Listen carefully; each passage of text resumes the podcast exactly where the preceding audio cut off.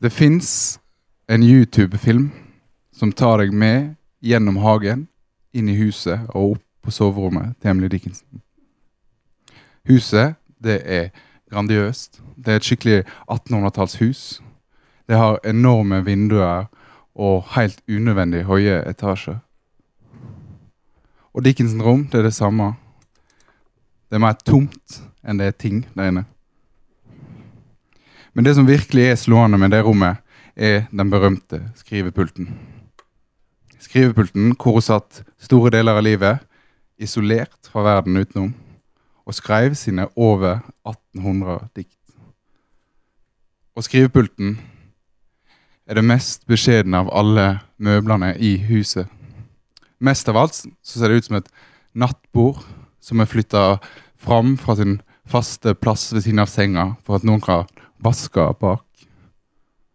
Og jeg vet ikke hva det er med det, men det er et eller annet som får, det, får meg til å tenke. Og uansett hva ideer en har om Emily Dickinson, om isolasjonen hennes, om depresjonen hennes, eller om bare en sånn utenomjordlig skrivetrang, så er det her på den beskjedne pulten at diktene kommer fra. Det er et menneske som sitter der og skriver på en helt vanlig, bitte liten pult.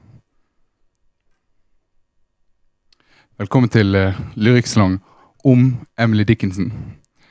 Uh, vi har en heilaften planlagt i to bolker.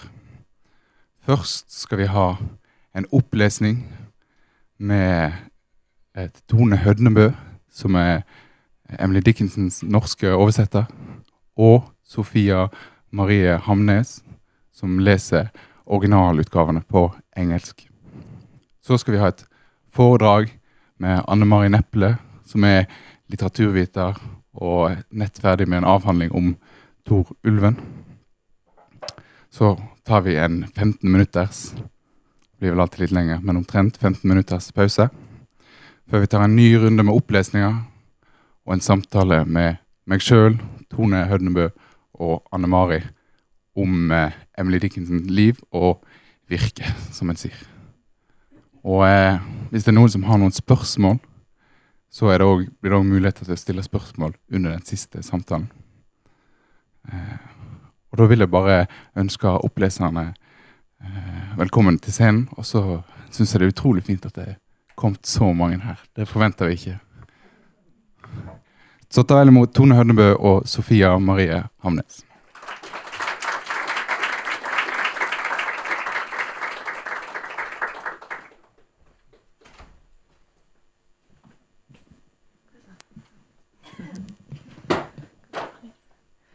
Vi, skal lese i to omganger. Jeg vet ikke om du sa det, men ja. Mm. Det blir litt blading innimellom. Ja. Litt blading og litt pause. En her, en her på. Ja. Fint. Da blir det først på engelsk. Og så Først på på norsk. engelsk, så norsk. Er lyden ok? Nei, altfor lavt. Altfor lavt? Ja. Er det vi som skal snakke høyere, da, eller? Da får vi gjøre det. Ja. Low at my problem bending, another problem comes, larger than mine, serener, involving statelier sums. I check my busy pencil, my figures file away. Wherefore my baffled fingers, thy perplexity? Fordypet i problemet oppstår et nytt problem. Større enn mitt, klarere, og innebærer majestetiske summer. Jeg gransker den flittige blyanten, rydder skjemaene bort. Hvorfor, forvirrede fingre, stopper dere opp? Faith is a fine invention when gentlemen can see, but microscopes are prudent in an emergency. Tro er en fin oppfinnelse så lenge herrene ser. Men mikroskop er bedre når noe uventet skjer. Do people molder equally? They bury in the grave. I do believe a species as positively live, as I, who testify it, deny that I am dead, and fill my lungs for witness from tanks above my head. I say to you, said Jesus, that there be standing here a sort that shall not taste of death. If Jesus was sincere, I need no further argue that statement of the Lord is not a controvertible. He told me death was dead. Smuldrer folk på samme måte når de er lagt i jorda? Jeg tror at et folk som virkelig lever som jeg, og innrømmer det, motbeviser at jeg er død, og fyller lungene mine som tegn fra beholdere ovenfor hodet. Jeg sier dere, sa Jesus, her skal det oppstå en slekt som ikke smaker av død. Hvis det Jesus sa var korrekt, trenger jeg ikke flere svar. Et utsagn fra Herren er uomtvistelig. Han sa at døden var død. Doom is the house without the door. Tis entered from the sun. And then the ladder is thrown away, because escape is done. Tis varied by the dream of what they do outside, where squirrels play and berries die, and hemlocks bow to God. Dommen er huset uten dør. Det har inngang fra sola, og så blir stigen kastet bort fordi flukten alt er gjort. Det morer seg med drømmer om hva de gjør utenfor, der ekorn leker og bærene dør, og grantrærne bøyer seg for Gud. To one denied to drink, to tell what water is, would be acuter, would it not, than letting him surmise? To lead him to the well and let him hear it drip, remind him, would it not, somewhat of his condemned lip? Hvis du skal fortelle hva vann er, til en som er nektet å drikke, ville det være mer oppfinnsomt enn å la ham gjette, ikke sant? Å lede ham til en brønn, og la ham høre at det drypper. Det ville minne, ikke sant, om hans egne dødsdømte lepper. To fill a gap, insert the thing that caused it, block it up with other, and twill yawn the more. You cannot solder an abyss with air. For å fylle et tomrom, sette inn det som var der først, tett igjen med noe annet, og det vil gape enda mer. Du kan ikke forsegle en avgrunn med luft. I've seen a dying eye run round and round a room in search of something as it seemed, then cloudier become, and then obscure with fog, and then be soldered down, without disclosing what it be, twere blessed to have seen. Jeg har sett et døende øye søke rundt og rundt i et rom, på jakt etter noe virket det som, og så bli uklart, diffust av tåke, og så bli loddet igjen, uten å røpe hva det ble velsignet med å se. The brain within its groove runs evenly and true. But let a splinter swerve, twere easier for you to put a current back when floods have slit the hills, and scooped a turnpike for themselves and trodden out the mills. Hjernen går jevnt og nøyaktig i sitt spor, men la en splint skjene ut. Det ville være lettere for deg å stanse en strøm når elven har gravd revner i åsen og laget demninger for seg selv og revet møllene ned.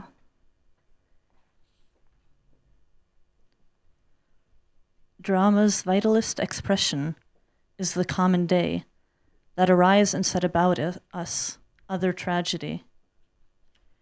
Perish in the recitation, this, the best in act, when the audience is scattered and the box is shut. Hamlet to himself were Hamlet, had not Shakespeare wrote, though the Romeo left no record of his Juliet. It were infinite enacted in the human heart, only theatre recorded, owner cannot shut. En alminnelig dag som står opp og går ned, er dramaets livligste uttrykk. En annen tragedie går tapt i resitasjon. Det beste blir spilt når publikum er spredt og luken stengt. Hamlet ville bare vært Hamlet om Shakespeare ikke hadde skrevet, selv om Romie aldri sa et ord om Julie. Ble stykket ustanselig oppført i menneskets hjerte? Bare teatret førte protokoll. Eieren kan ikke stenge.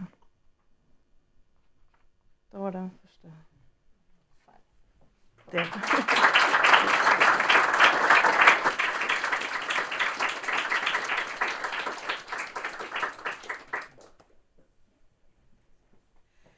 Hører dere meg? Ja, det gjør dere. Um, hei, alle sammen. Uh, det er alltid fint å være her på Lyrikksalongen, som har jubileum i disse dager. Fredrik sa ikke det, men jeg kan si det. At uh, har nå faktisk eksistert i to år. Uh, og tiden flyr, altså. For jeg syns ikke det er så lenge siden jeg satt på denne krakken og snakket om Tor Ulven i 2015. Men det er det. Um, så Lyrikksalongen går inn i sitt tredje år. Og vi feirer det i kveld. Det er ikke tilfeldig at vi dedikerer akkurat denne kvelden til en poet som mer enn de fleste må vi kunne si, dedikerte sitt liv til poesien. Jeg snakker selvfølgelig om Emily Dickinson fra Amherst, Massachusetts i New England som ble født i 1830 og døde i 1886, som var ukjent så lenge han levde, men som etter sin død etter hvert ble anerkjent som en av de virkelig store poetene i litteraturhistorien. Og som dere hører i denne veldig flotte opplesningen som vi hørte, og som vi skal snakke om i kveld, så er Emily Dickinson en poet med en helt særegen magnetisme. Og det er jo også derfor hun har så veldig mange dedikerte fans, ikke minst blant poetene. I siste del av 1800-tallet, innenfor ganske udramatiske, for så vidt konvensjonelle biografiske rammer, i hvert fall hvis man ser på hennes liv, så skapte Emily Dickinson et dikterisk univers som både favner bredt og som lodder dypt, og som griper oss umiddelbart også i dag. Og vi kan si at Som få andre så er hun en dikter som makter å forene det håndgripelige på den ene siden og det uutgrunnelige på den andre siden. Uh, ta f.eks. det første diktet som står i Hødnebøs gjendiktning. Og jeg vil lese fra gjendiktningen fordi jeg liker den så godt. Um, Begerblad, blomst og en torne. En vanlig sommermorgen. Dugg i en kolbe. En bie eller to et vindkast i et tre, og jeg er en rose. Et ganske tilforlatelig dikt fram til den siste linja kommer og folder seg ut som en blomst, kan vi nesten si, og gjør at vi må tenke hele diktet på nytt. Fordi hva er det som skjer her? Altså, er det rosen som ser? Er det rosen som snakker i diktet? Er det jeget som har skapt seg om til en rose? Og hvordan ser man egentlig verden i roseperspektiv? Altså, dette diktet her det er lett å tilegne seg. Men man kan bruke lang tid på å fundere over det. Håndgripelig og utgrunnelig det er på mange måter Emily Dickinson selv også. Dette bildet som vi ser her, det er det eneste fotografiet som eksisterer av henne. Altså det vil si at I Amherst så har de prøvd å grave fram et annet bilde fra arkivene som de mener kanskje er Emily Dickinson og en venninne. Men det her er de ikke enige om. De De krangler. Dette her andre bildet er ikke godkjent ennå, så vi skal definitivt holde oss til dette her. Uh, og som vi ser, så forteller det at hun hører til i en annen tid. Det er noen ganger lett å glemme det, rett og slett fordi diktene hennes den dag i dag kan framstå som veldig moderne. Men her er hun altså. Hun er omtrent 17 år, og som vi ser, så er det et veldig stilisert bilde. Det er veldig sånn pent og pyntelig, dette her. Uh, og noen biografer de klager på det fordi de mener at det aldri kan vise oss spennet i hennes karakter. Dette bildet, sier de, det gir rett og slett ikke rom for det skarpe viddet hennes, for glimt i øyet, for den dype kompleksiteten og for den sterke personen som var så karakteristisk for Emily Dickinson. Noe av det samme kunne vi kanskje også si om hennes liv, i det minste hvis vi ser på det ut fra de ytre omstendighetene. Emily Dickinson levde så å si hele livet i barndomshjemmet sitt i Amherst, hvor faren hadde en framstående posisjon. Hun fikk en god utdannelse, studerte mye sånn naturvitenskap og botanikk og matematikk. og sånn type fag. Eh, det var en utdannelse som bar preg av sin tids fascinasjon for harde vitenskaper. Minner litt om i dag, det også, faktisk. Og siden så flyttet hun hjem igjen. Og I sitt voksne liv så deltok hun i det daglige stellet av hus og haven, sånn som ugifte kvinner i borgerskapet ofte gjorde på denne tiden. Så det var et liv som var fattig på ytre drama, et liv som i det ytre ligner mange andre kvinners liv i den siste halvdel av 1800-tallet. Men innenfor denne rammen så skrev Emily Dickinson dikt. Og den ble det mange av. Det ble nesten 18 1900. Og de lå i en kiste av kamfertre som ble funnet etter hennes død. Og disse diktene de lignet ikke på så veldig mye annet som var skrevet på denne tiden. Eh, her er et annet av dem. Løfte vår del av natten, vår del av morgenen. Fylle et tomrom av lyst og et tomrom av forakt. Her en stjerne, og der en stjerne. Noen går seg vill. Her litt yr, og der litt yr. Slik blir dagen til. Altså Helt konvensjonell det var jo Emily Dickinson ikke heller, for hun var også en eksentriker, og hun må egentlig ha vært ganske sta. Eh, på et tidspunkt, da var hun i begynnelsen av 30-årene, så droppet hun denne tradisjonelle klesdrakten eh, med korsett og lag på lag med stoff, og hun begynte å kle seg i hvitt, kun i hvitt. Det var inspirert av heltinnen i en roman av Elizabeth Barrett Browning, som hun var en stor beundrer av. Og hun begynte også etter hvert og ganske bestemt å distansere seg fra en del av det offisielle sosiale livet som enhver borgerlig familie måtte føre på denne tiden. Emily Dickinson hun ville være i fred, og hun ville skrive. Og Det er spekulert mye om årsakene til dette. Altså, det er som Hvis man leser bøker om Emily Dickinson, så er det én frase man ofte støter på, og det er 'much has been made of'.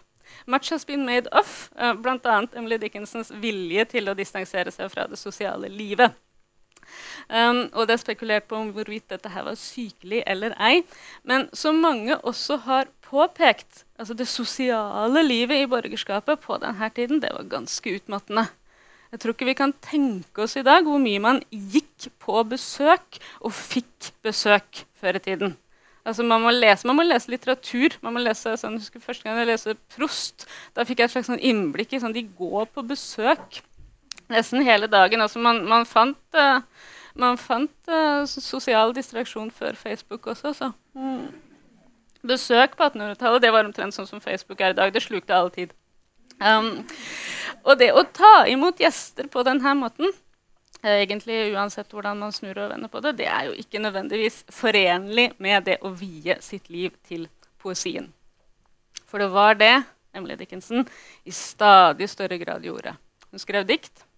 Hun satte dem sammen i små hefter som hun sydde sammen. Det gir i ettertid også verket hennes en veldig sånn sterk sånn aurapreg den dag i dag. Sendte for så vidt noen av dem til forskjellige redaktører. Og en håndfull dikt ble også publisert anonymt, kanskje mot hennes vilje. Det er også litt uklart. Mange av diktene sendte hun også i brev, som korresponderte dem på forskjellige måter. Men mange av dem ble også lagt i denne kamfertrekisten, som man egentlig først fattet rekkevidden av da hun var borte. Et dikt til kan vi se på i den forbindelse. Skitne lille hjerte som bare er mitt, Jeg vant det med et kinn, et fregnete helgenskrin. Men vakkert nok for den som ser sjelens ansikt, og ikke knærne. Um, hva er det med disse diktene som gjør at de har så sterk fascinasjonskraft? Det er jo ikke ett svar på det, men noe av kjernen ligger kanskje i de store kontrastene og den dype kompleksiteten. Uh, dette er dikt som ligner på den verden vi kjenner, men som samtidig synes som om det kommer fra en annen verden. Og det som er interessant når man leser Dickinson, er også at man pendler mellom de her forskjellige oppfatningene. Motivene kan være tilforlatelige. Det kan være en bie her og en stjerne der. Uh, men også de motivene som er hentet fra liksom, det håndgripelige, de er liksom smeltet om. Det er ofte analytiske dikt, det er gjennomborende dikt, og de er preget av en slags sånn sandnivoldskhet, synes jeg, som er kanskje særlig tydelig når hun skriver om døden. Og så finner vi en sanselighet i disse diktene som kan minne litt om sånn Sapfo-sanselighet. Og en androgynitet som jeg syns kan minne litt om Virginia Woolf, selv om hun var romanforfatter. Uh, det er skråblikk hos Dickinson, og det er vilje til å eksperimentere. Og det ser vi ikke minst også i de senere utgavene som har kommet. Uh, veldig mange utgaver av Emily Dickinsons verk. Og i de senere utgavene kan vi liksom følge henne i prosessen, hvor hun tar ett skritt til siden, betrakter diktet sitt, og så gjør en eller annen sånn vri på det. Dette er 937, leste jeg også. Jeg kjente en revne i sinnet som om hjernen var delt. Jeg prøvde å skjøte den søm for søm, men fikk den ikke hel. Tanken som kom etter, ville jeg knytte til tanken som kom først, men sammenhengen floket seg som nøster på et gulv. I det hele tatt så viser Emily Dickinsons dikt at man innenfor et stillferdig liv, innenfor konvensjonelle rammer, inne på rommet sitt, i skriften og i poesien, kan leve et liv hvor man forløser noe av det man ikke realiserer kanskje like klart i den ytre verden. Og jeg har sagt det flere ganger her på Lyrikksalongen at når det kommer til biografi, så er min erfaring at mange poeter har et register som de realiserer nettopp i diktningen, men som ikke nødvendigvis kan gjenfinnes på samme måte i de tradisjonelle biografiske kildene. Emily Dickinson er et sterkt og tydelig eksempel på det. Så på en måte så har de rett, de som sier at dette fotografiet er litt skralt. I den forstand at de ikke viser oss Emily Dickinson slik hun var, med sine mange fasetter.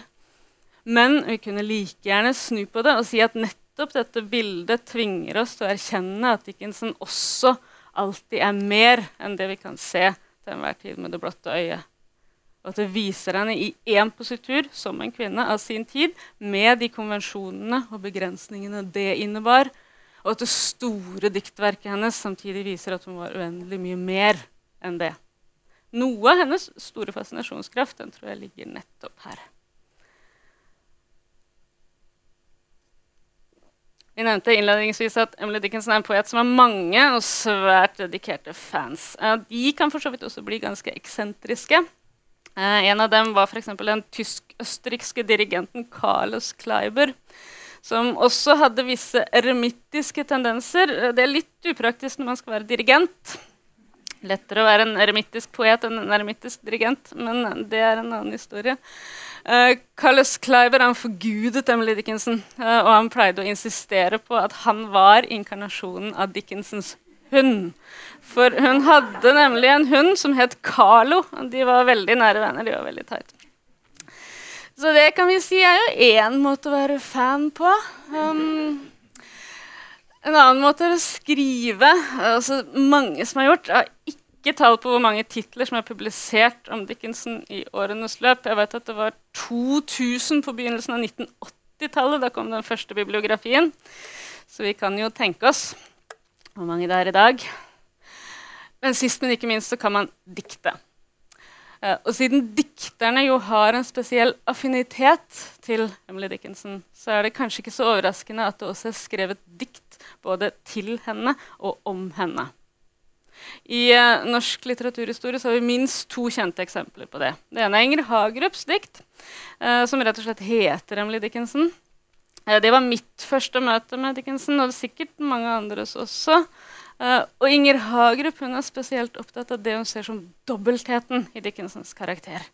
Uh, I hennes lesning så er dette en sånn forpint dobbelthet. Hun beskriver den lydige datteren som skriker inn i hodeputen om kvelden, innestengt i jomfruburet. Altfor ensom, altfor tapper, står det. Og diktet har en veldig sånn tikkende rytme.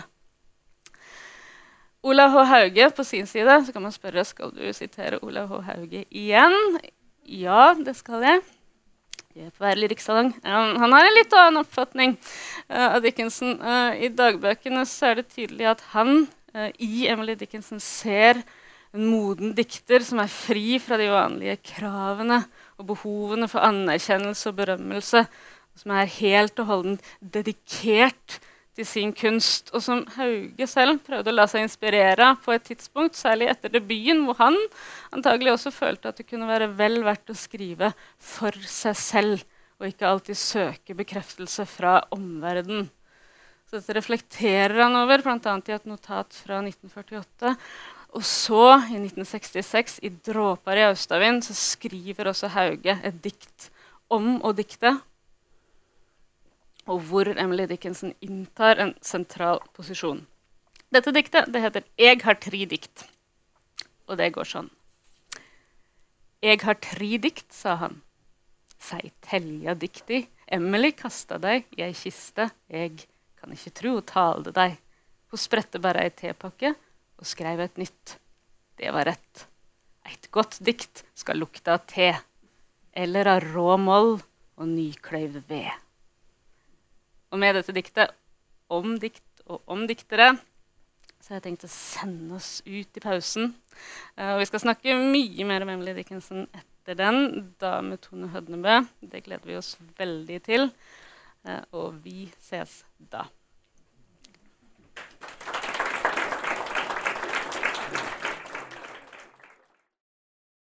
Hvis dere er klare, så kan dere bare sette i gang. Jeg tenkte vi gjør det litt motsatt nå, så jeg leser på norsk først og så engelsk. Ja. Jeg kunne dø for å få vite. Det er en enkel sannhet. Avisgutter hilser mot døren. Vognene ruller forbi. Morens frekke ansikt står i vinduet. Kunne jeg fly vekk som en liten flue? Hus støtter seg mot huset med skuldre av murstein.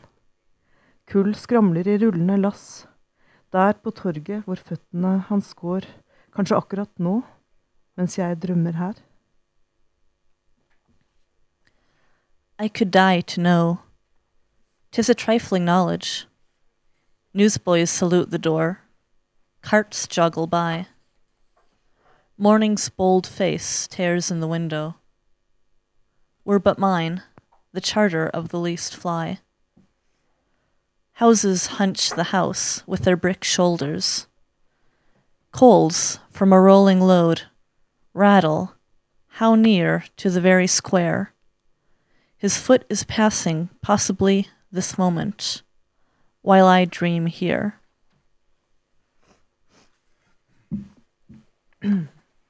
Hjernen er større enn himmelen, for hvis du sammenligner, vil den ene lett romme den andre og i tillegg også deg. Hjernen er dypere enn sjøen, for hvis du ser dem blått mot blått, vil den ene absorbere den andre som svampen gjør med vått. Hjernen veier det samme som Gud, for hvis du veier dem gram for gram, er de like forskjellige som stavelse og klang. The brain is wider than the sky. For put them side by side, then one the other will contain, with ease, and you beside. The brain is deeper than the sea, for hold them blue to blue. The one the other will absorb, as sponges buckets do. The brain is just the weight of God, for heft them pound for pound, and they will differ if they do a syllable from sound.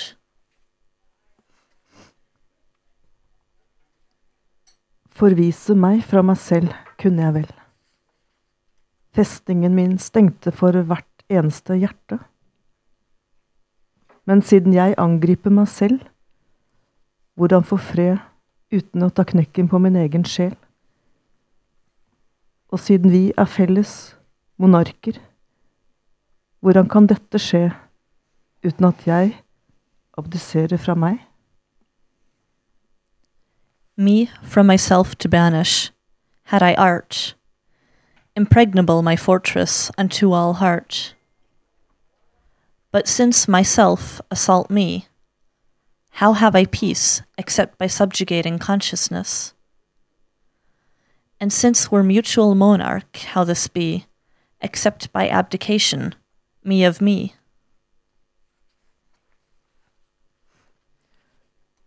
Smerten inneholder noe blankt. Den kan ikke huske når den begynte, eller om det var en tid da den ikke fantes.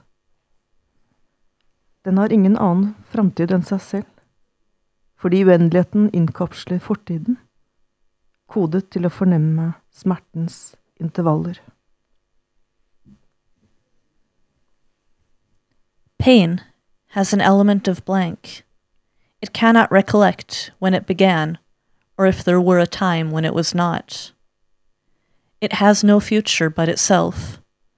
Its infinite contain its past, enlightened to perceive new periods of pain. Jeg bor i det mulige, et lysere hus enn vanlig, med flere vinduer og en høyere dør, med rom som sedertrær, ugjennomtrengelig for øyet, og som et evig tak himmelen, en slaktekrok i det høye, med de mest strålende gjester. Og som tidsfordriv sprer jeg mine smale hender for å samle paradis. I dwell in possibility, a fairer house than prose, more numerous of windows, superior for doors. Of chambers as the cedars, impregnable of eye, and for an everlasting roof, the gambrels of the sky. Of visitors the fairest, for occupation this, the spreading wide my narrow hands to gather paradise. Beklager. Den forkjølelsen som jeg hadde forrige uke, den kommer nå ut.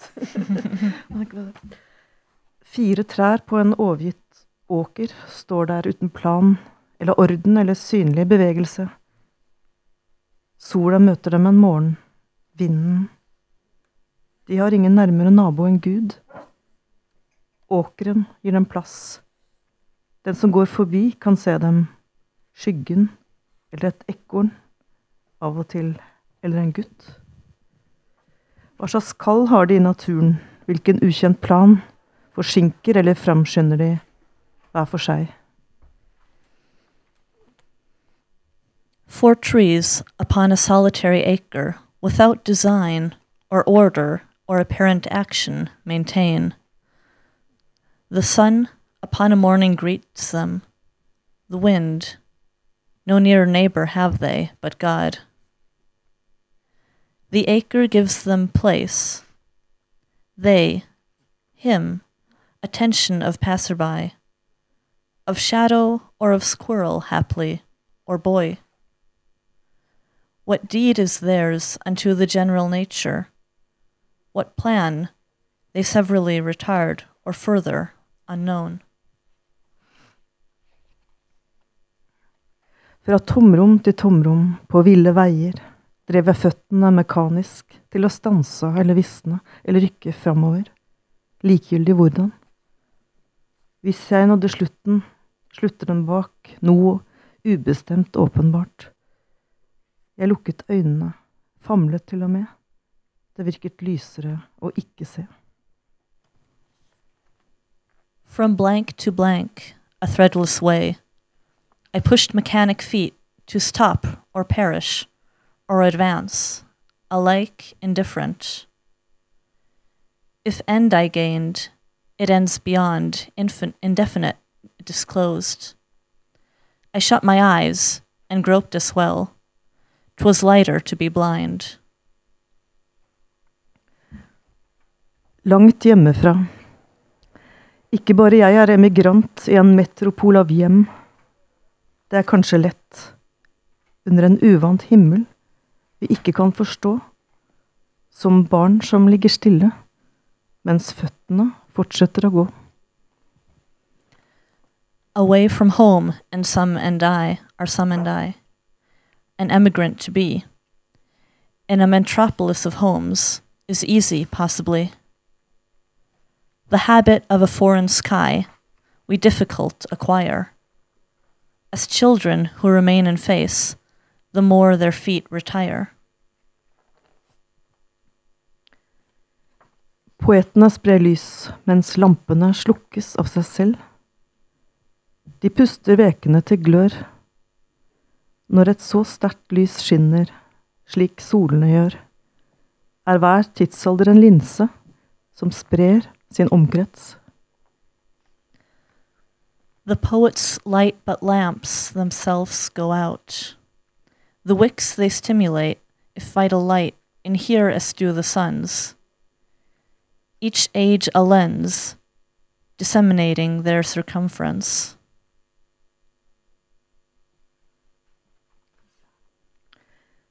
Persepsjonen av et objekt er å miste objektet. Persepsjonspris er like høy som gevinsten. Det absolutte objektet er null. Persepsjonen gir det et skjær, og klandrer siden en fullkommenhet som ikke ligger der. Perception of an object costs precise the object's loss. Perception in itself again replying to its price. The object absolute is not, perception sets it fair, and then upbraids a perfectness that situates so far. Disse ukjente i en fremmed verden vil ha meg som venn. Ta vare på dem om ikke du vil være flyktning i himmelen. These strangers in a foreign world, protection asked of me. Befriend them, lest yourself in heaven be found a refugee. Slik vi går sakte forbi hus og spør om de er bebodd, går sjel forbi sjel og spør om den er bebodd. As we pass houses musing slow, if they be occupied, so minds pass minds, if they be occupied. Hvis lokket løftes fra hodet og hjernen slipper fri, vil fyren gå dit han hører til uten et hint fra meg. Og verden, hvis verden ser på, vil vite hvor langt fra seg selv vettet kan være. Sjelen er der likevel. If ever the lid gets off my head and lets the brain away, the fellow will go where he belonged without a hint from me. And the world, if the world be looking on, will see how far from home it is possible for sense to live, the soul there all the time.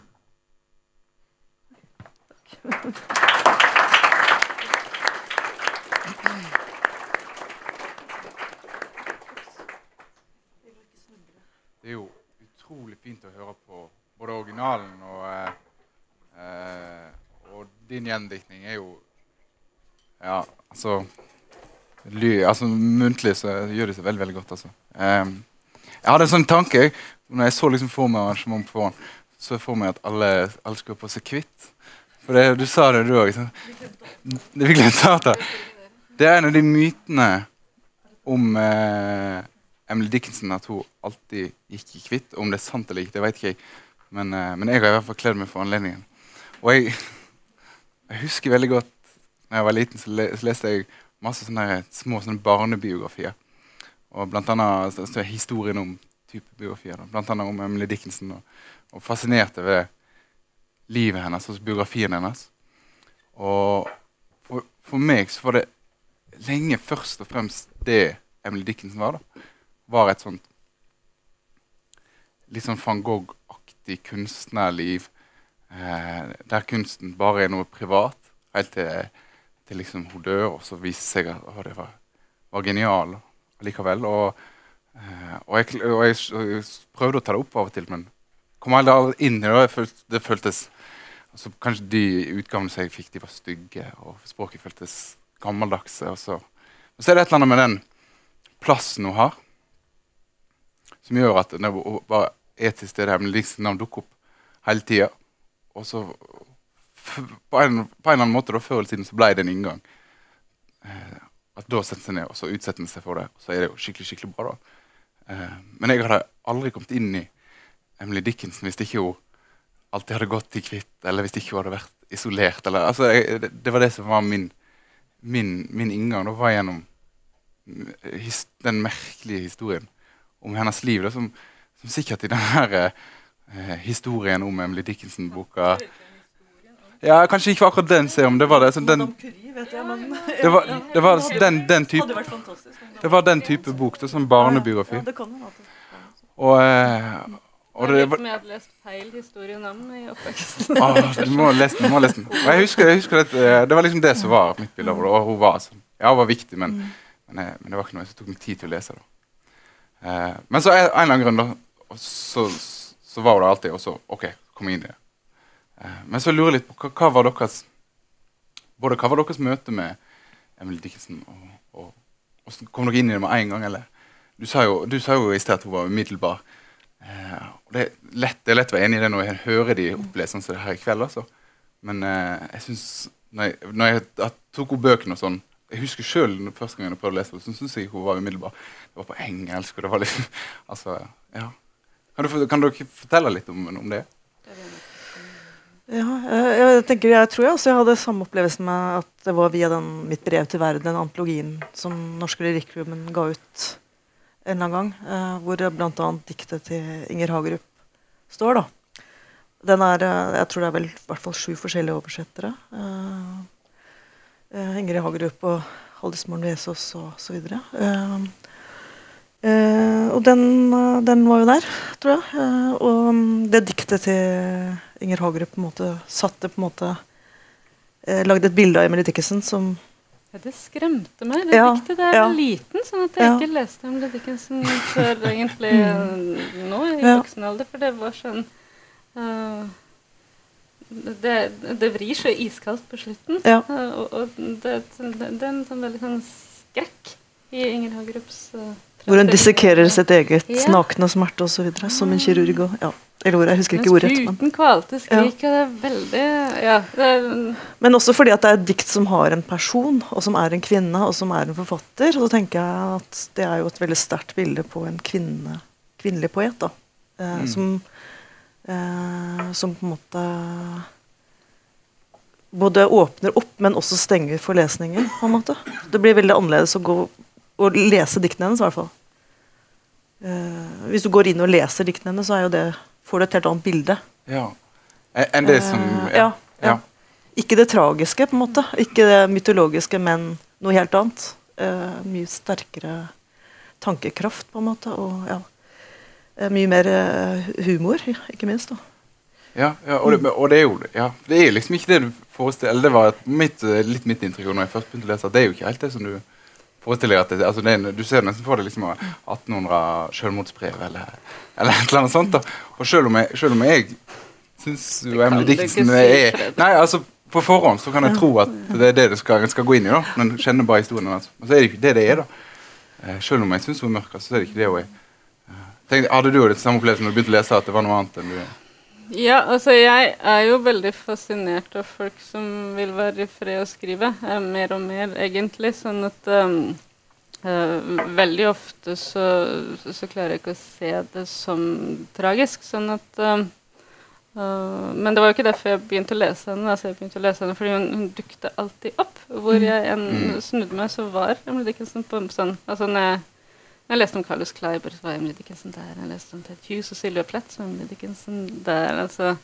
Um, og, da blir du jo nysgjerrig på hvem er denne personen som fascinerer så mange som man er fascinert av. Uh, og da var det jo naturlig å gå til kilden. Og da, um, da, da, gikk jeg jo egentlig til diktene før jeg gikk til historien. Da. At jeg hadde mm. ikke, altså, egentlig begynte jeg å søke opp den der for historien men da egentlig hadde jeg klart å glemme, for jeg hadde klart å glemme sånn diktinger Hagerup. Um, som skremte meg da jeg var liten. Sånn at uh, uh, Jeg syns jo umiddelbart at hun framsto som en poet med et sånt veldig sånn skråblikk på ting. Altså veldig uh, Litt sånn småfrekk, litt sånn glimt i øyet, litt sånn humor, og, og veldig, veldig sånn evne til å overskride egentlig alt. Uh, og, og, trekke liksom alt inn i sitt univers, altså i poesien. Uh, og, og, det sitter litt igjen, selv om jeg, jeg er selvfølgelig veldig fascinert sånn som du er av denne livshistorien. Jeg er fascinert av denne kontrasten uh, mellom det stille livet, mellom de konvensjonelle rammene og mellom det og, og det poetiske universet som utspiller seg innenfor det. Uh, som er så utrolig mye mer. Mm. Som er så mye. Det er så voldsomt, liksom. Um. Ja, og jeg, og jeg altså det, det, Hun er et sånt navn som dukker opp hele tida, og som hele tida eh, blir Her er det noe nytt, her er det noe annerledes. Eh, og, og, noen sier at ja, det er ikke, det er ikke noe revolusjonerende, for det er et unntak. Liksom, det er så spesielt at det er et unntak i, i litteraturhistorien. Men kan, kan, kan, du si litt om altså, vi, vi, hører jo at det er bra, liksom. Det gjør vi. Men hva, men hva er, det, er, kan du si om hva er det som er nytt, eller hva er det som gjør som eh, Klarer dere å sette opp på det, eller? Veldig ofte så kan man jo ikke si hvorfor noe er skikkelig bra. Så når noe er så skikkelig bra Nei, men Hva som er inno ja, innovasjon? Da, ja, for da, er... da, da, kommer du jo bare ned på sånn lydnivå. Det blir sånn Åh, det her er så bra. Um, um, ja, jeg vet ikke. Nei, jeg kan, eh, jeg kan si noe om prøve å si noe om det, men eh, jeg kan i hvert fall si at andre gangen jeg møtte støtte på Dickinson, altså sånn etter den lesningen med mitt brev til verden, så studerte jeg engelsk på Blindern og hadde en foreleser med Per Seierstedt som var veldig opptatt av Dickinson. Og da ble jeg veldig interessert, og det, det begynte samtidig med at jeg eh, var interessert i å skrive sjøl. Eh, og da ble det veldig sånn personlig møte, egentlig. Så, møtte, det, det, var liksom da jeg begynte å lese dikt for ordentlig. Og, og mm. velge liksom, måte, hva jeg leste, ikke bare det som jeg fikk tilfeldigvis kom borti. Og, eller ble presentert noen presenterte for meg. Uh, så da så tenk, tenker jeg også at det er um, Men skal, hvorfor det er bra? For meg så tror jeg på en måte at jeg har en sånn fascinasjon for det, det fortettede og komprimerte diktet. da. Mm. Uh, og i våre dager så får det så mye sånn juling Eller det, det, sånn skal man ikke skrive lenger. Uh, fordi det er på en måte sånn veldig streng form. Og, hun bruk, bruker jo en streng form på en måte, selv om hun bryter, bryter med den også. Uh, men for meg så har det liksom vært mye mer fascinerende for meg å lese Dickinson enn Wolf Whitman. Altså, det er ikke det at jeg ikke liker å lese Wolf Whitman, for meg er det Jeg blir fascinert av den strenge, strengheten. Men også de, at hun sprenger rammene da, for den, den, formen. Da. Mm. Men er, er, er, hvor går en fra liksom, den fascinasjonen over Det er jo mange som er bra, men du valgte jo å gå lenger og så eh, og, og oversette ja, det var senere igjen, da. Um, jeg, jeg, tenkte ikke på at jeg skulle oversette det. Men jeg, jeg, tenker at for meg var det å oversette en måte å liksom lese diktene på en annen måte, da. Mm. Uh, rett og slett. Uh, tenkte ikke så mye på konsekvensen av det. Liksom, at jeg skulle sitte her 20 år senere og snakke om dem. Bare liksom blindt jeg ville bruke tid på Dickinson. Det var liksom sånn jeg tenkte. Og jeg hadde sånn behov på det tidspunktet til å ha én forfatter jeg følte jeg kunne liksom relatere meg til, eller som jeg kunne lese hele livet, rett og slett. Det, da er jo Dickinson absolutt et lurt valg. Fordi eh, da fins jo tilgjengelig som i denne boken her, som koster nesten ingenting.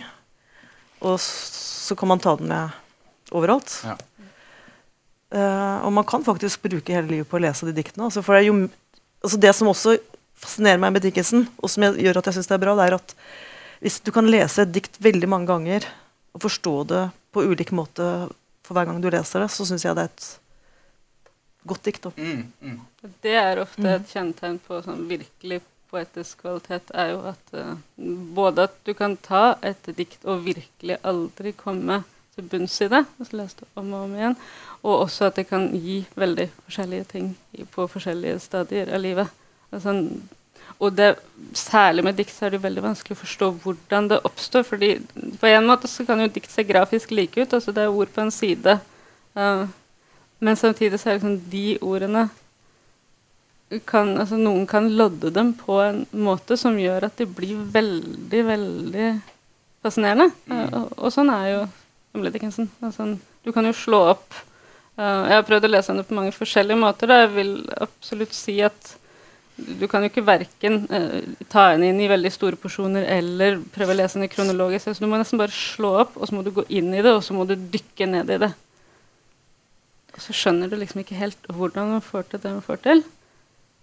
Men det er veldig veldig spennende. sant? Men det er der skjønner måten å bruke ord på. altså Hun bruker ord fra helt ulike områder og setter dem sammen på en måte i en slags hymnisk form. på en måte. Altså Det er noe som ikke, det, det skurrer, liksom. på en måte. Mm. Og det, det trigger i hvert fall meg som leser. at uh, det, er, det, er, det, er, veldig uforutsigbart. Mm. Uh, og hun har den veldig forkjærligheten for, forkjærligheten for helt bestemte ord. da. Enkeltord som går igjen også i forfatterskapet. Uh, ja, så hun har jo ord som ja, Et ord er jo 'fame', f.eks., som hun bruker i ulike sammenhenger. Som kanskje ikke betyr akkurat det vi forbinder med det. liksom. Men mm. hun, en, hun, hun, hun, lager sin egne uh, Altså hun bruker ord og bruker dem på en litt spesiell måte. Uh, hvordan skal jeg forklare det? Uh, altså det her har folk skrevet masse om. altså Hennes bruk av ordet 'fame', f.eks. Hva mm. mener hun med det? Men du kan liksom ikke bruke ordboken heller til å forstå hva hun mener med det. ikke sant? Det er litt mer komplekst. da.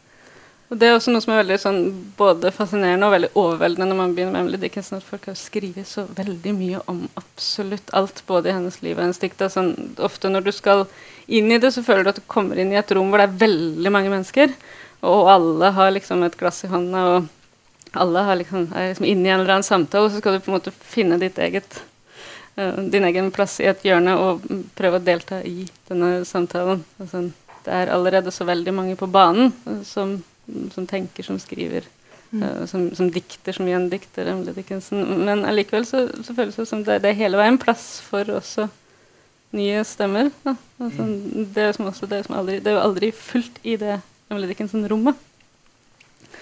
Um, jeg, jeg, føler når jeg, når jeg leser Dickinson, at jeg har, jeg har ikke noe behov for å oppsøke noe tolkninger eller, eller analyser. Det har noe med den Jeg vet ikke om det er det som liksom var hennes store innovasjon. eller den knappe formen som, eh, som, jeg selvfølgelig ikke alltid bruker, men som jeg ofte holder seg til. Sånn.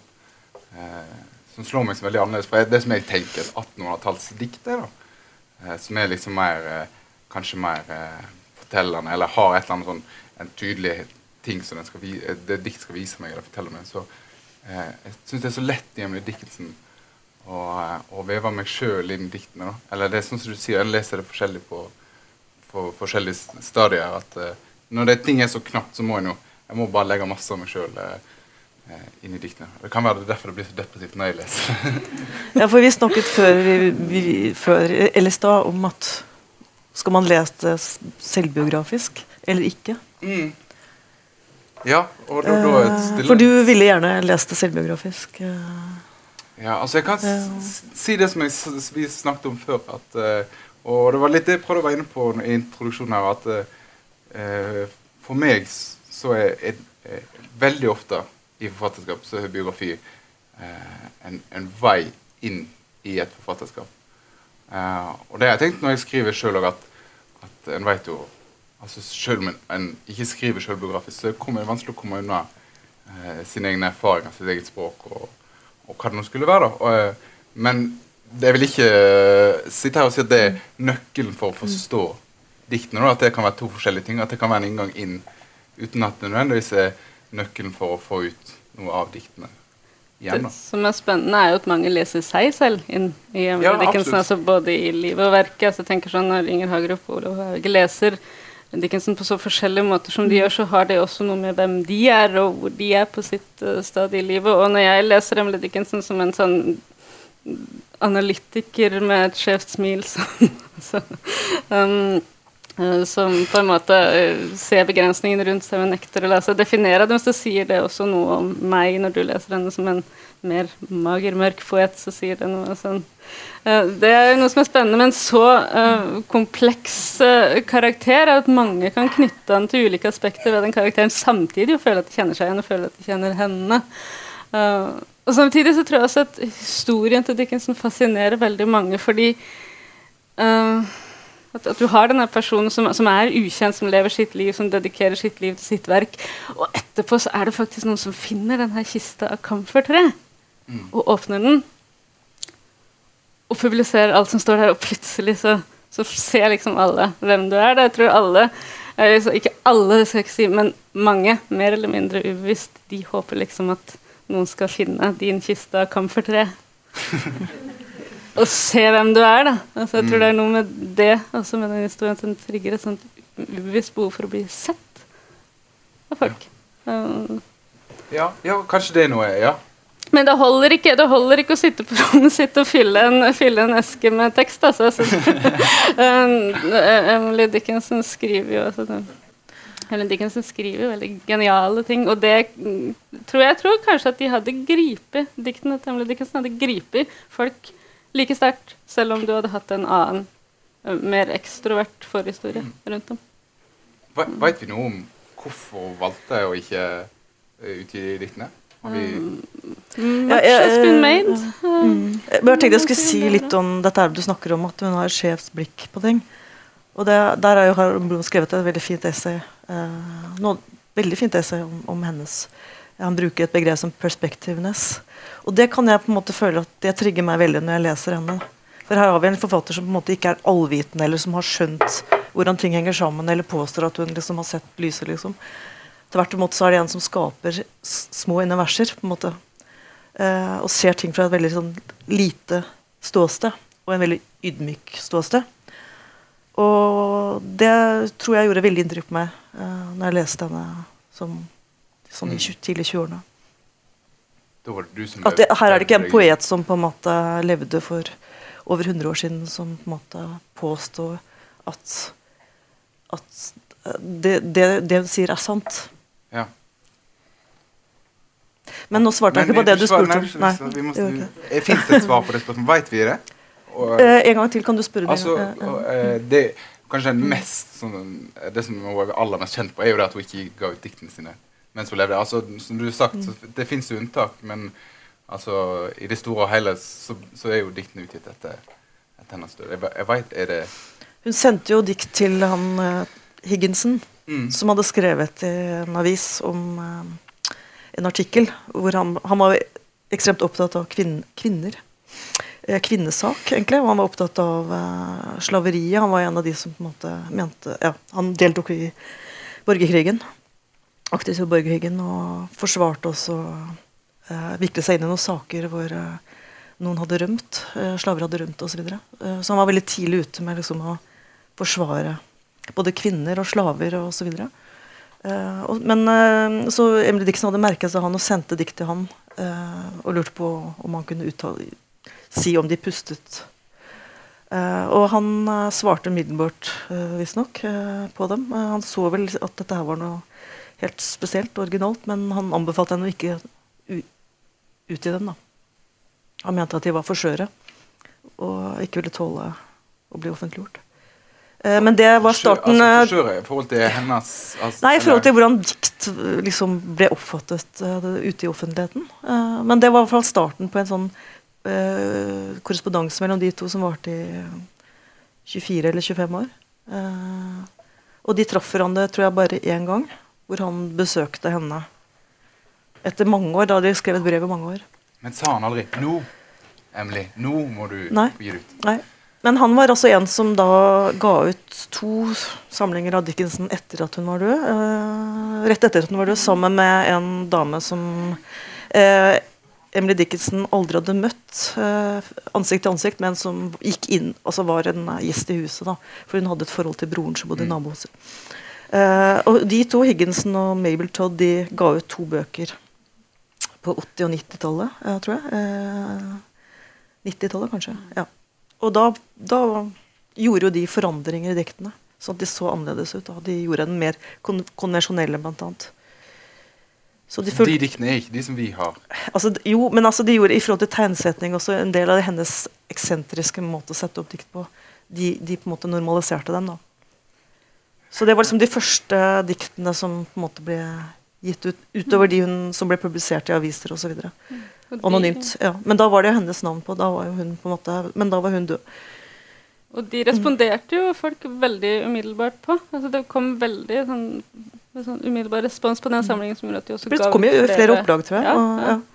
Ja. Uh, Men det var jo ikke før egentlig at de ga ut en samling som var tettere på sånn som hun egentlig hadde gjort det sjøl. At, at det virkelig liksom begynte å ta Som begynte å bli kanonisert. Så det, Men ble de, når de først ble gitt ut, ble de gitt ut med historien om henne, eller bare med navnet? Altså, er det det at ok, nå har vi en død kunstner her? Altså, vi er jo midt på 1800-tallet, Ja, altså, ja. med masse romantiske ideer om kunstnersjelen. og- Akkurat, akkurat hvordan hun ble presentert, vet jeg faktisk ikke. Men jeg tror hun ble sett på som en sånn ganske eksentrisk original uh, dikter da. Mm. Og ble populær. Og så kom det ut noe senere hvor niesen ga ut en uh, samling dikt og brev. Og hun antydet ganske sterkt at dette her var mye sånn tragisk kjærlighetshistorie som lå bak. Og da ble jo på en måte det fanget jo liksom syn, synet på Emily Dickinson som en veldig sentimental dikter. Som hadde selvfølgelig noe med utvalg å gjøre, og måten det ble presentert på. Mm. Og så tror jeg også hun ble oppdaget liksom, på 20-tallet i, i Magistene, som var liksom eh, Isra Pound og Hilda Doolittle og den gjengen der, som på en måte så Mente at hun var en forløper for imagismen. Da, som eh, gikk på en måte å skrive forholdsvis enkle dikt, kutte ut unødvendige ord. Prøve å beskrive tingene direkte. Eh, og det passet jo dem på en måte, at, eh, å se henne. For det støttet opp under hvordan de hva de prøvde å på en måte eh, si hva poesi Mm. var på den tiden. Og så var det, og så var det Johnson-utgaven på 50-tallet. Og da forandret det seg jo veldig hvordan man så på Dickinson, for det var jo første gang at alle diktene ble fremlagt. da, Samlet. Og da var de sånn som de var tiltenkt å være, eller? Nei, ikke helt Nei. der heller. Nei. Eh, men nærmere. Men eh, det som ikke kommer med i den boken, er jo at hun satte opp diktene på den måten at hun ofte hadde alternative ord i margen, f.eks. Så hun Mm. hadde på en måte en veldig ambivalens i forhold til de ordene som sto der. Hun hadde en slags eh, nøling eller usikkerhet også i det hun skrev. Eller at hun kanskje rett og slett ikke hadde bestemt seg for at det skulle Altså det skulle jo ikke utgis, så hvorfor ikke? Da trengte man jo ikke å bestemme noe. Så da kunne man ha alternative ord i margen. Eh, men det kom jo fra med den utgaven til Franklin, eller faksimile-utgaven eh, som kom på 80-tallet eller noe sånt. Og det gir jo kanskje. også verket en sånn veldig aura. Altså det fins det finnes så mange forskjellige utgaver. Det er krangling om de forskjellige Mm. utgavene. Eh, med, nesten med en gang man begynte å gi ut diktene, så begynte man å krangle om hvordan man skulle gjøre det, og hvem som skulle ha rettighetene, og hvem som skulle få pengene. og og sånn. og sånn som i dag, eh, så kan man jo da kjøpe både én og to og tre forskjellige utgaver og sammenligne. og det sånn Samtidig som man da også nå i dag kan gå inn på det elektroniske Emily Dickinson-arkivet og se uh, håndskriften hennes og papiret hennes og sånn, sånn som de egentlig kom fra Det ble åpnet bare ja, for et par år siden, Ja. det elektroniske arkivet. Så der er jo på en måte veldig mye tilgjengelig. Og det, bare det forandrer jo veldig mye hvordan man skal lese henne. Uh, og jeg, for, ja, på noen år siden så kom det ut en fantastisk fin bok som heter The Gorgeous Nothings. Som er basert på at hun, altså hun skrev eh, veldig ofte tekster på papirlapper og konvolutter. Ting som hun tilfeldigvis hadde liksom for hånden. da. Så det er på en måte gjengitt da, i denne boken Mm. med hennes håndskrift selvfølgelig, og ja, papirbitene, altså. Så på en måte det begrenser jo på en måte hvordan eh, Eller bestemmer hvordan hun setter opp linjene, ikke sant? Fordi det er liten plass. Det, det, Så det høres ut som en, en veldig fin bok, det, men åssen er det altså, Kvalitetsmessig er det like bra som eh, som de som hun altså, Vi vet jo ikke om hun Dette er jo en diskusjon. Om hun hadde forestilt seg at det skulle bli gitt ut eller ikke. Men i den kista som vi snakket om, så ligger det jo innbundet og nummerert. Eh, tror du, hva, det er jo selvfølgelig bare Mm. spekulasjon. Hva, hva tror dere? Altså, Hadde du tenkt at de skulle bli gitt ut? Nei, men Vi må ikke glemme at hun, hun har også gitt ut eh, altså brevene hennes har også kommet ut. Eh, og i tre bind eller noe sånt. Det er enormt mange brev. Og hun hadde jo en slags litterær sirkel fordi hun sendte ofte dikt i brev. Også Hun kunne skri begynne skrive et brev, og så plutselig kom det et dikt, og så fortsatte hun å skrive brevet. Og så, ja, hun kunne legge ved et dikt også. Eh, og det betydde jo at folk Hun hadde jo en krets av lesere, eh, egentlig, som visste at hun skrev dikt. da. Så er det en frihet i det å ikke publisere, mm, som f.eks. Hauge er veldig opptatt av, nemlig at den gir deg også friheten til å være original. Da. Man kan jo Mm. si at uh, noe av den friheten hun fikk ved å uh, ikke publisere sånn som hun gjorde, var at hun kunne uh, være så original i formen. Altså at hun slapp på en måte å tilpasse seg konvensjoner. Slapp, hadde ikke noen redaktør som på en måte uh, strøyk eller satte ting i margen. og sånn.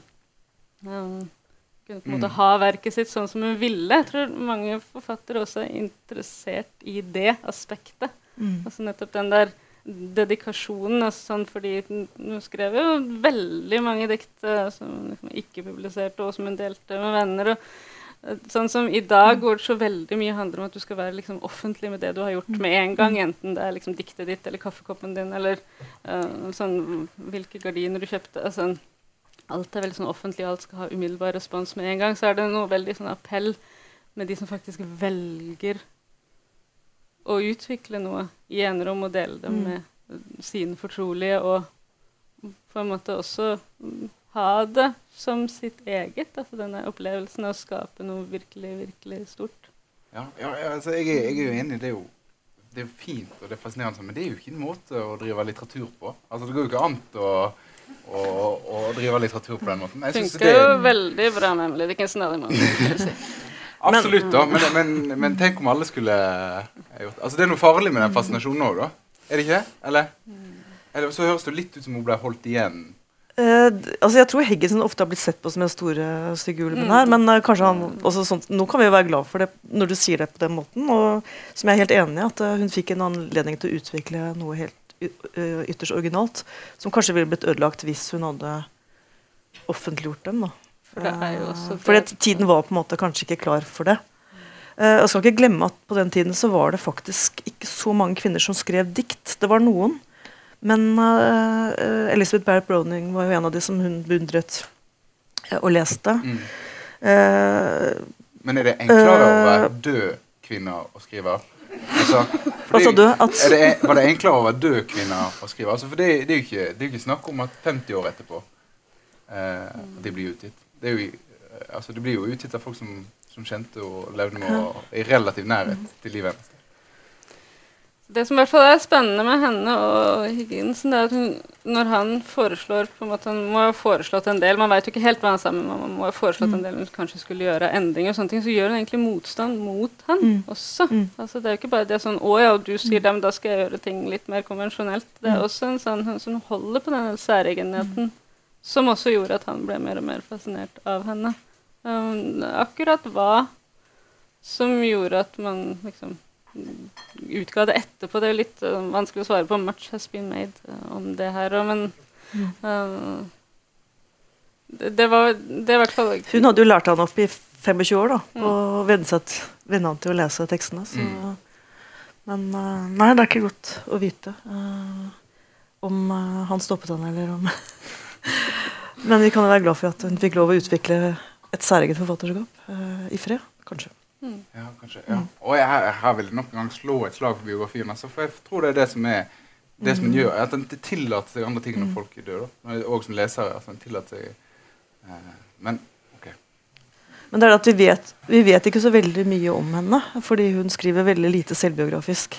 Ja, ja, absolutt. Det er ikke det jeg påstår. Eh, ja, altså, du kan liksom, det er ikke så lett å lete etter de selvbiografiske diktene hennes, eh, men eh, det vi vet om henne, vet vi jo på en måte fordi eh, det, Gjennom brevene, selvfølgelig, og gjennom den tiden hun levde osv. Det man vet om Men hva akkurat hun gjorde i de årene hun holdt seg isolert, det er jo Mm. Men du må liksom ak på en måte akseptere at, at altså, dette her er jo ikke et spørsmål om liv og verk, men det er et spørsmål om liv i verk. Ja, det må Eh, I en veldig Ja. sånn at, at eh, um, At, at diktene på en måte er like mye biografi som biografien. Altså, du kan på en måte ikke skille det. Altså, dette, her er, dette er jo dikt som blir til. Altså, det, det her er også noe som sier uh, du, du, altså, Det du skaper, er jo også livet ditt. Det du skaper, er jo også den du er. Mm. Uh, og av og til så kan du på en måte ikke tilbakeføre det til noe annet du sa i en annen sammenheng. Noen ganger sa du det mm. på den måten i det diktet. Uh, og sånn som Dickinson på en måte hele veien overskrider alt det hun har rundt seg, så er det liksom, Det er også en måte å leve på. Ja. Sånn. Jeg tror vi, vi, vi, begynner å bevege oss mot slutten. Er det noen spørsmål fra salen? eller? Det er alltid hvis det er én som hopper på først, så kommer det noen. Men det er ingen som vil være den første ute i vannet. Ja. Hva er hennes beste dikt? Ja, jeg, Kan jeg bare gjenta for, for podcasten, Vi tar opptak til podkast òg, sånn at de får med seg spørsmålet. Altså, Hva er Emily Diktens beste dikt? Uh, jeg vet ikke om jeg klarer å svare på det. Uh, jeg vet at uh, en forfatter som Susan Howe, som har skrevet en veldig fin bok som heter My Emily Kanskje noen av dere som har lest den, som jeg anbefaler veldig sterkt. Uh, hun, uh, hun, skriver om uh, 'My life has stood a loaded gun'. Mm. Så hun mener at dette er et av de mest sentrale diktene. men det er veldig vanskelig å finne et hovedmotiv i diktningen hennes. Mm. Det er det. men hun trekker det diktet fram da, i den boken. og så trekker hun også fram veldig mange, mye av den bakgrunnslitteraturen som ligger i tradisjonen i den amerikanske tradisjonen og spesielt i New England, som hun mener har preget eh, diktene til Emily Dickinson. Eh, så hun finner jo spor her og der etter lesning. Mm. Eh, men det var kanskje heller ikke noe svar på spørsmålet. Men akkurat det, jeg, jeg klarer ikke å, å si at har du, har jeg har funnet det ene diktet. Har du et, et svar? Nei, jeg syns den er kvalitativt veldig sterk. Ja. Altså, nesten over det hele. At jeg er nesten fristet til bare å slå opp Mm, tilfeldig. Ja. Og det er kanskje sånn man kan lese nå. for at Man kan, lese, liksom, man kan begynne på starten, og så kan man liksom så er det veldig mange som mener at hun hadde eh, Hun skrev sine beste dikt i en periode som var sånn mellom 19, nei, 1858 og 64. Og det, det, var omtrent samtidig med borgerkrigen. Ja. Eh, amerikanske borgerkrigen. Eh, og der inngår jo det diktet også. 'My life has stood a loaded gun'. Eh, hvis, hvis, jeg hvis, jeg skal, forsvare Og nå er jeg ikke noe ekspertpanel, mm. men, jeg, men, jeg, sitter her med mikrofon, så da gjør jeg det mm. allikevel. Og det, jeg, jeg, vil aldri anbefale noen å bare lese ett dikt. Det er, altså, det er en skam for enhver forfatterskap med hver bok å trekke ut et dikt. For det, det altså, å lese flere dikt, at diktene viser seg. Mm. Det er, det er, sånn jeg leser dikt. I hvert fall, og, og sånn jeg er opplært til å altså Det har mye med i dag skrive diktbøker og ikke enkeltdikt og den type ting. da. Men det, jeg og gamle dikt, nye dikt. Angrep det alltid sånn. Aldri ett enkelt Jeg, et verk. Så eh, les flere. Men så er jo det utrolig vanskelig å si det om Emily Dickinson. For, det, for hvor skal en begynne, da? Altså? Skal en begynne på én og lese til eh, nummer Hva er det siste nummeret? Eh, 1700 og et eller annet?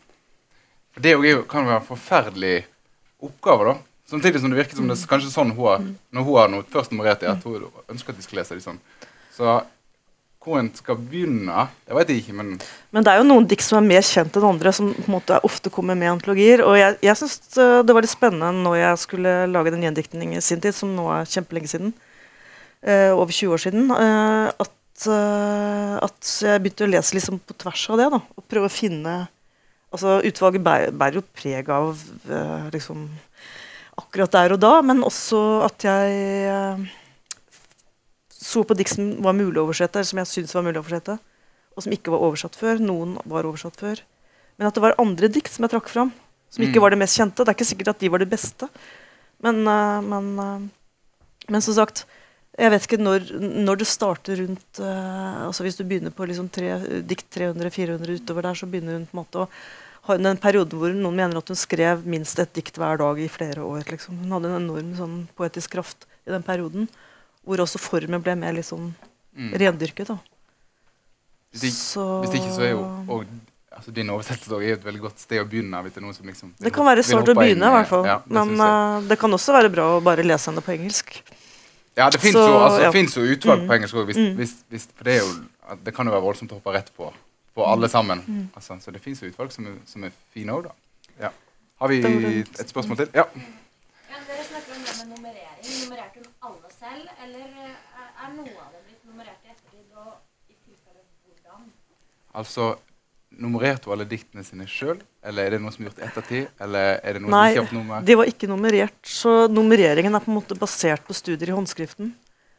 Eh, fordi hun da hun, hun samlet diktene i hefter og sydde sammen. Og det jeg tror det var sånn ca. 40 hefter til sammen. Så det må jo ha vært sånn ca. 50 dikt i hvert hefte, da. Eh, og akkurat hva som kom først og sånn, det er på en måte vet man ikke sånn helt sikkert. Men, men sto de i de heftene i den rekkefølgen som vi blir presentert i? Eller har, på den rekkefølgen som er i hvert fall den samlede som jeg har, der er det jo kronologisk. Mm, mm. Men var det sånn hun òg hadde Det fins Eh. garantert en utgave som gjør det også. Det fins utgaver for alt når det gjelder Emily Dickinson. Um, men det må man si at det gir jo også en slags frihet i hvordan man tilnærmer seg dem. Altså nettopp at de um, at, uh, Jeg tenker på sånn som uh, Jan Erik Vold sa om Tor Ulvens uh, samlede dikt, at han brukte det som han kalte det, en sånn andaktsbok. da. At han hadde den, og så slo han opp, og så gikk han inn det han fant der. og da tenker så, sånn kan man jo med fordel gjøre med Emily Dickinson også. Særlig fordi hun er ikke en poet som du kan bælme. mm. Altså, du, må, du må ta det langsomt inn. Sånn at, eh, det, og, og siden hun ikke lagde samlinger eh, altså Hun lagde jo de heftene, men hun, hun ga dem jo ikke strengt ut i samlinger. Da kan man jo også pusle dem sammen på forskjellige måter. Mm, sånn som den her også gjendiktningen gjør veldig, veldig, veldig bra. Og det var heller ikke titler på diktene, så sånn sett så er det liksom en helt annen måte å tenke. Mm. Du kunne aldri sittet i en annen altså, du, du har sittet i kronologisk rekkefølge, har du ikke det? Altså, jeg, jeg, jeg, har, jeg har fulgt Johnsens utgave, fordi da forelå ikke den Franklin. Den kom i eh, 2000 og Ja, den kom seinere. Ja. Altså den faksimile-utgaven forelå, men den var ikke Nei. tilgjengelig for meg. Men altså, jeg brukte denne her, eh, og det har jo selvfølgelig den prega. Mm, mm. Så i dag så ville jeg jo måttet gjøre det på en annen måte hvis jeg skulle gjendikte henne i dag. Da måtte jeg forholde meg til eh, det som har skjedd i etterkant. Ja. De utgavene som foreligger, vil prege oversettelsen. Har vi, vi- har vi et, et siste spørsmål, kanskje? Pål? Uh, Emily Dickinson eh, eh, skriver jo ikke utelukkende, men hun skriver veldig mange dikt som er u ikke er kjønnsspesifikke. Og, og har en resepsjonshistorie som er veldig dominert av at en, eh, Mm. en leser liksom utsigelsesposisjonen eh, kvinnelig, og liksom den henvendte liksom mann. Mm. Hva syns dere om det? Eh, hvis jeg bare altså, I resepsjonen av Emily Dixon Mm. så, så tenker en ofte at det er eh, den som taler, er en dame, og den som blir Mm. talt til, er en mann. Eh, har dere en kommentar til det? Jeg syns jo det er noe av det mest fascinerende med Dickinson. At hun har nettopp det Hun leker veldig med roller i diktene.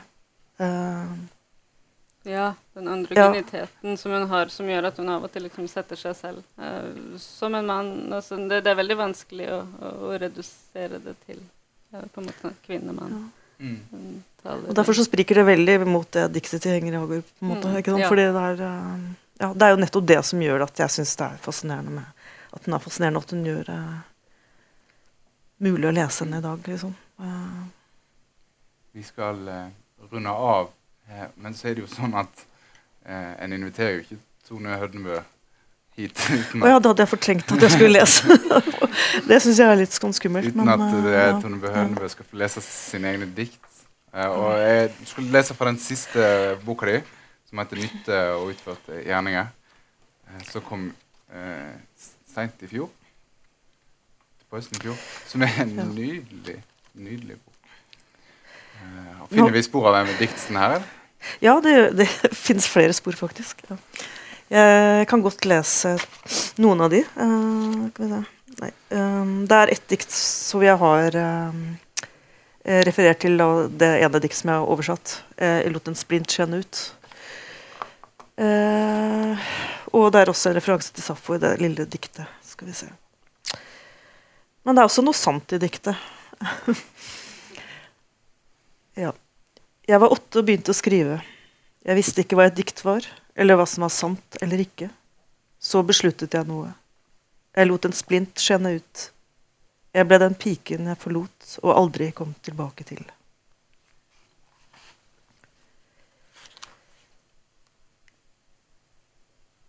Ja Det som om jeg finner om det er noe mer her. Det er vel Skal jeg lese Jeg vet ikke hvor mange dikt jeg skal lese. Skal jeg ja, nå leste jeg jo for så vidt vet, Hvis mange var på tirsdag, så kan jeg ikke lese de samme diktene. Så jeg kanskje lese noen andre. Da leser jeg fra en annen avdeling. Um, ja.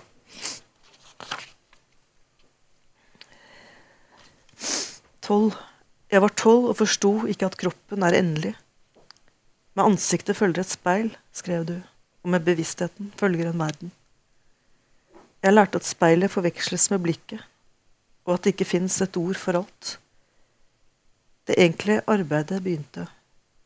Å stille spørsmål til hva som var nødvendig, hva som er en beslutning, og hvordan vender jeg det mørke mot lyset.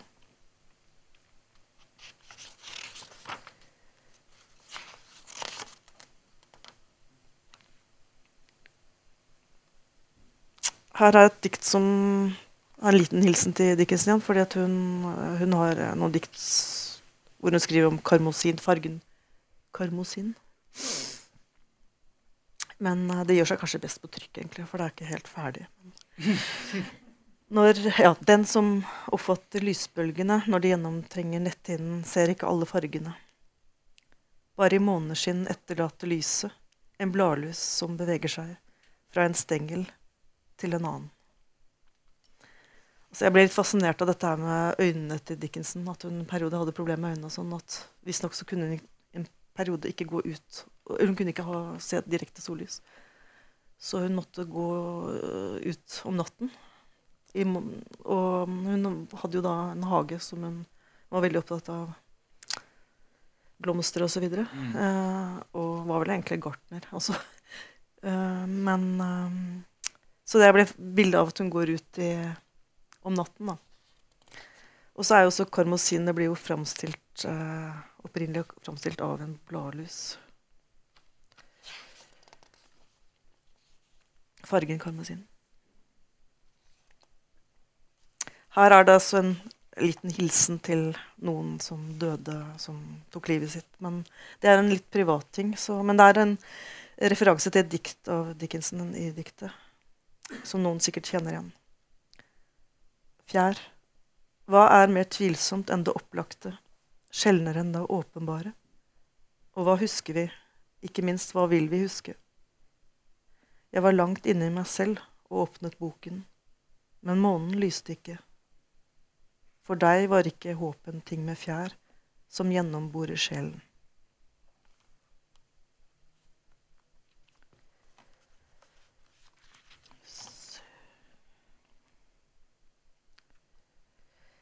Null. Jeg kom for sent eller for tidlig. Tidspunktet passet aldri. Ikke på den måten. Er det elven eller vannet som renner? Døden og livet veier ikke like mye. Sjelen veier 21 gram. Null er ingenting. Uendelig er et tall.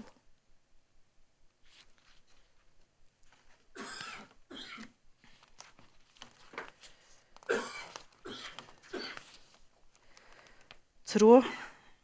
Penelope vevde et fint tøy. For hver tråd hun spant, telte hun timer og dager, og for hver dag en ny dåd. Krigen kunne ikke vente, men hun ventet på at krigen skulle ende, og tvinnet garnet til hendene ble blodige. Jeg ville bli glad hvis du kunne besøke meg i drømmene, skrev hun, og løste opp om natten det hun vevde om dagen, for å holde frierne unna. Samtidig ble tolv terner hengt. Dagen ble kortere og natten lengre, før hun ble vekket av Eurykleia.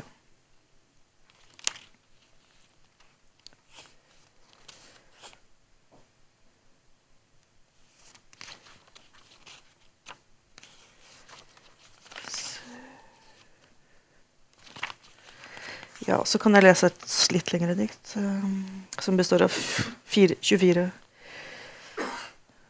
setninger, eller hva skal jeg kalle det. Inversjoner. Å tro er å håpe på en orden. Tordenværet slår også oppover.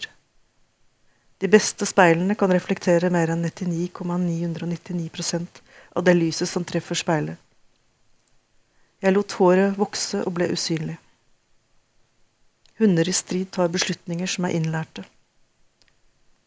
Det mørke og mystiske inntar hagen, og ekkoer fra fugler. Min far arvet leggbeskytter i bronse som stammet fra Alexander den store. Opplevelsen av farger er både subjektiv og objektiv. Lasarus så ut som en utpakket egyptisk mumie. Å være en elev betyr at man må reddes fra seg selv. Jeg mottok en lysende stein som hadde tilhørt en mektig person. De eldste speilene besto av bronseplater som var grundig polert. Det du ser og erfarer, er det du elsker og mister. Verdensvektig hvete er lik verdensvektig gull. Et verb som står alene, tilkjennegir bare en drøm. Den viktigste regelen i et spill er at man vet at man er med. Det usynliges makt er integrert i dagliglivet. Jeg drømte om vannmelonens substans. Hvordan alt som er til ens fordel, plutselig ble helt feil. Den dunkle månen lyser opp det dunkle landskapet. Nesten alle planter vokser mer hvis de tilføres fosfor. Pengene er verdt akkurat det jeg tror de er verdt. Vurder om du er et menneske eller en maskin. For å få vite noe må jeg rydde plass til tvilen.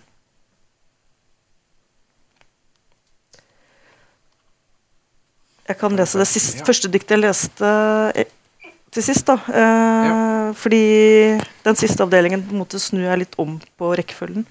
Så jeg fikk en sånn idé om at hvis, hva skjer hvis jeg på en måte skriver den siste setningen først. Fordi jeg ofte leser sånne dikt. Av og til så leser jeg dikt på den måten. Også Dickinson. At jeg må liksom av og til begynne liksom nederst og ja, rote rot litt fram og tilbake før jeg kom inn. Jeg ble den piken jeg forlot og aldri kom tilbake til. Jeg besluttet noe, for det er mange slags rykter. Jeg visste ikke hva som er sant eller ikke. Jeg visste ikke hva et dikt var. Jeg var åtte og begynte å skrive. Ja.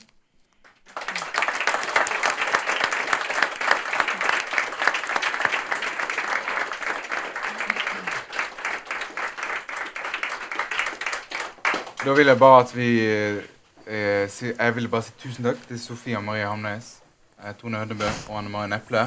Eh, og så vil jeg si at eh, vi har masse hemmelige dikt på lager.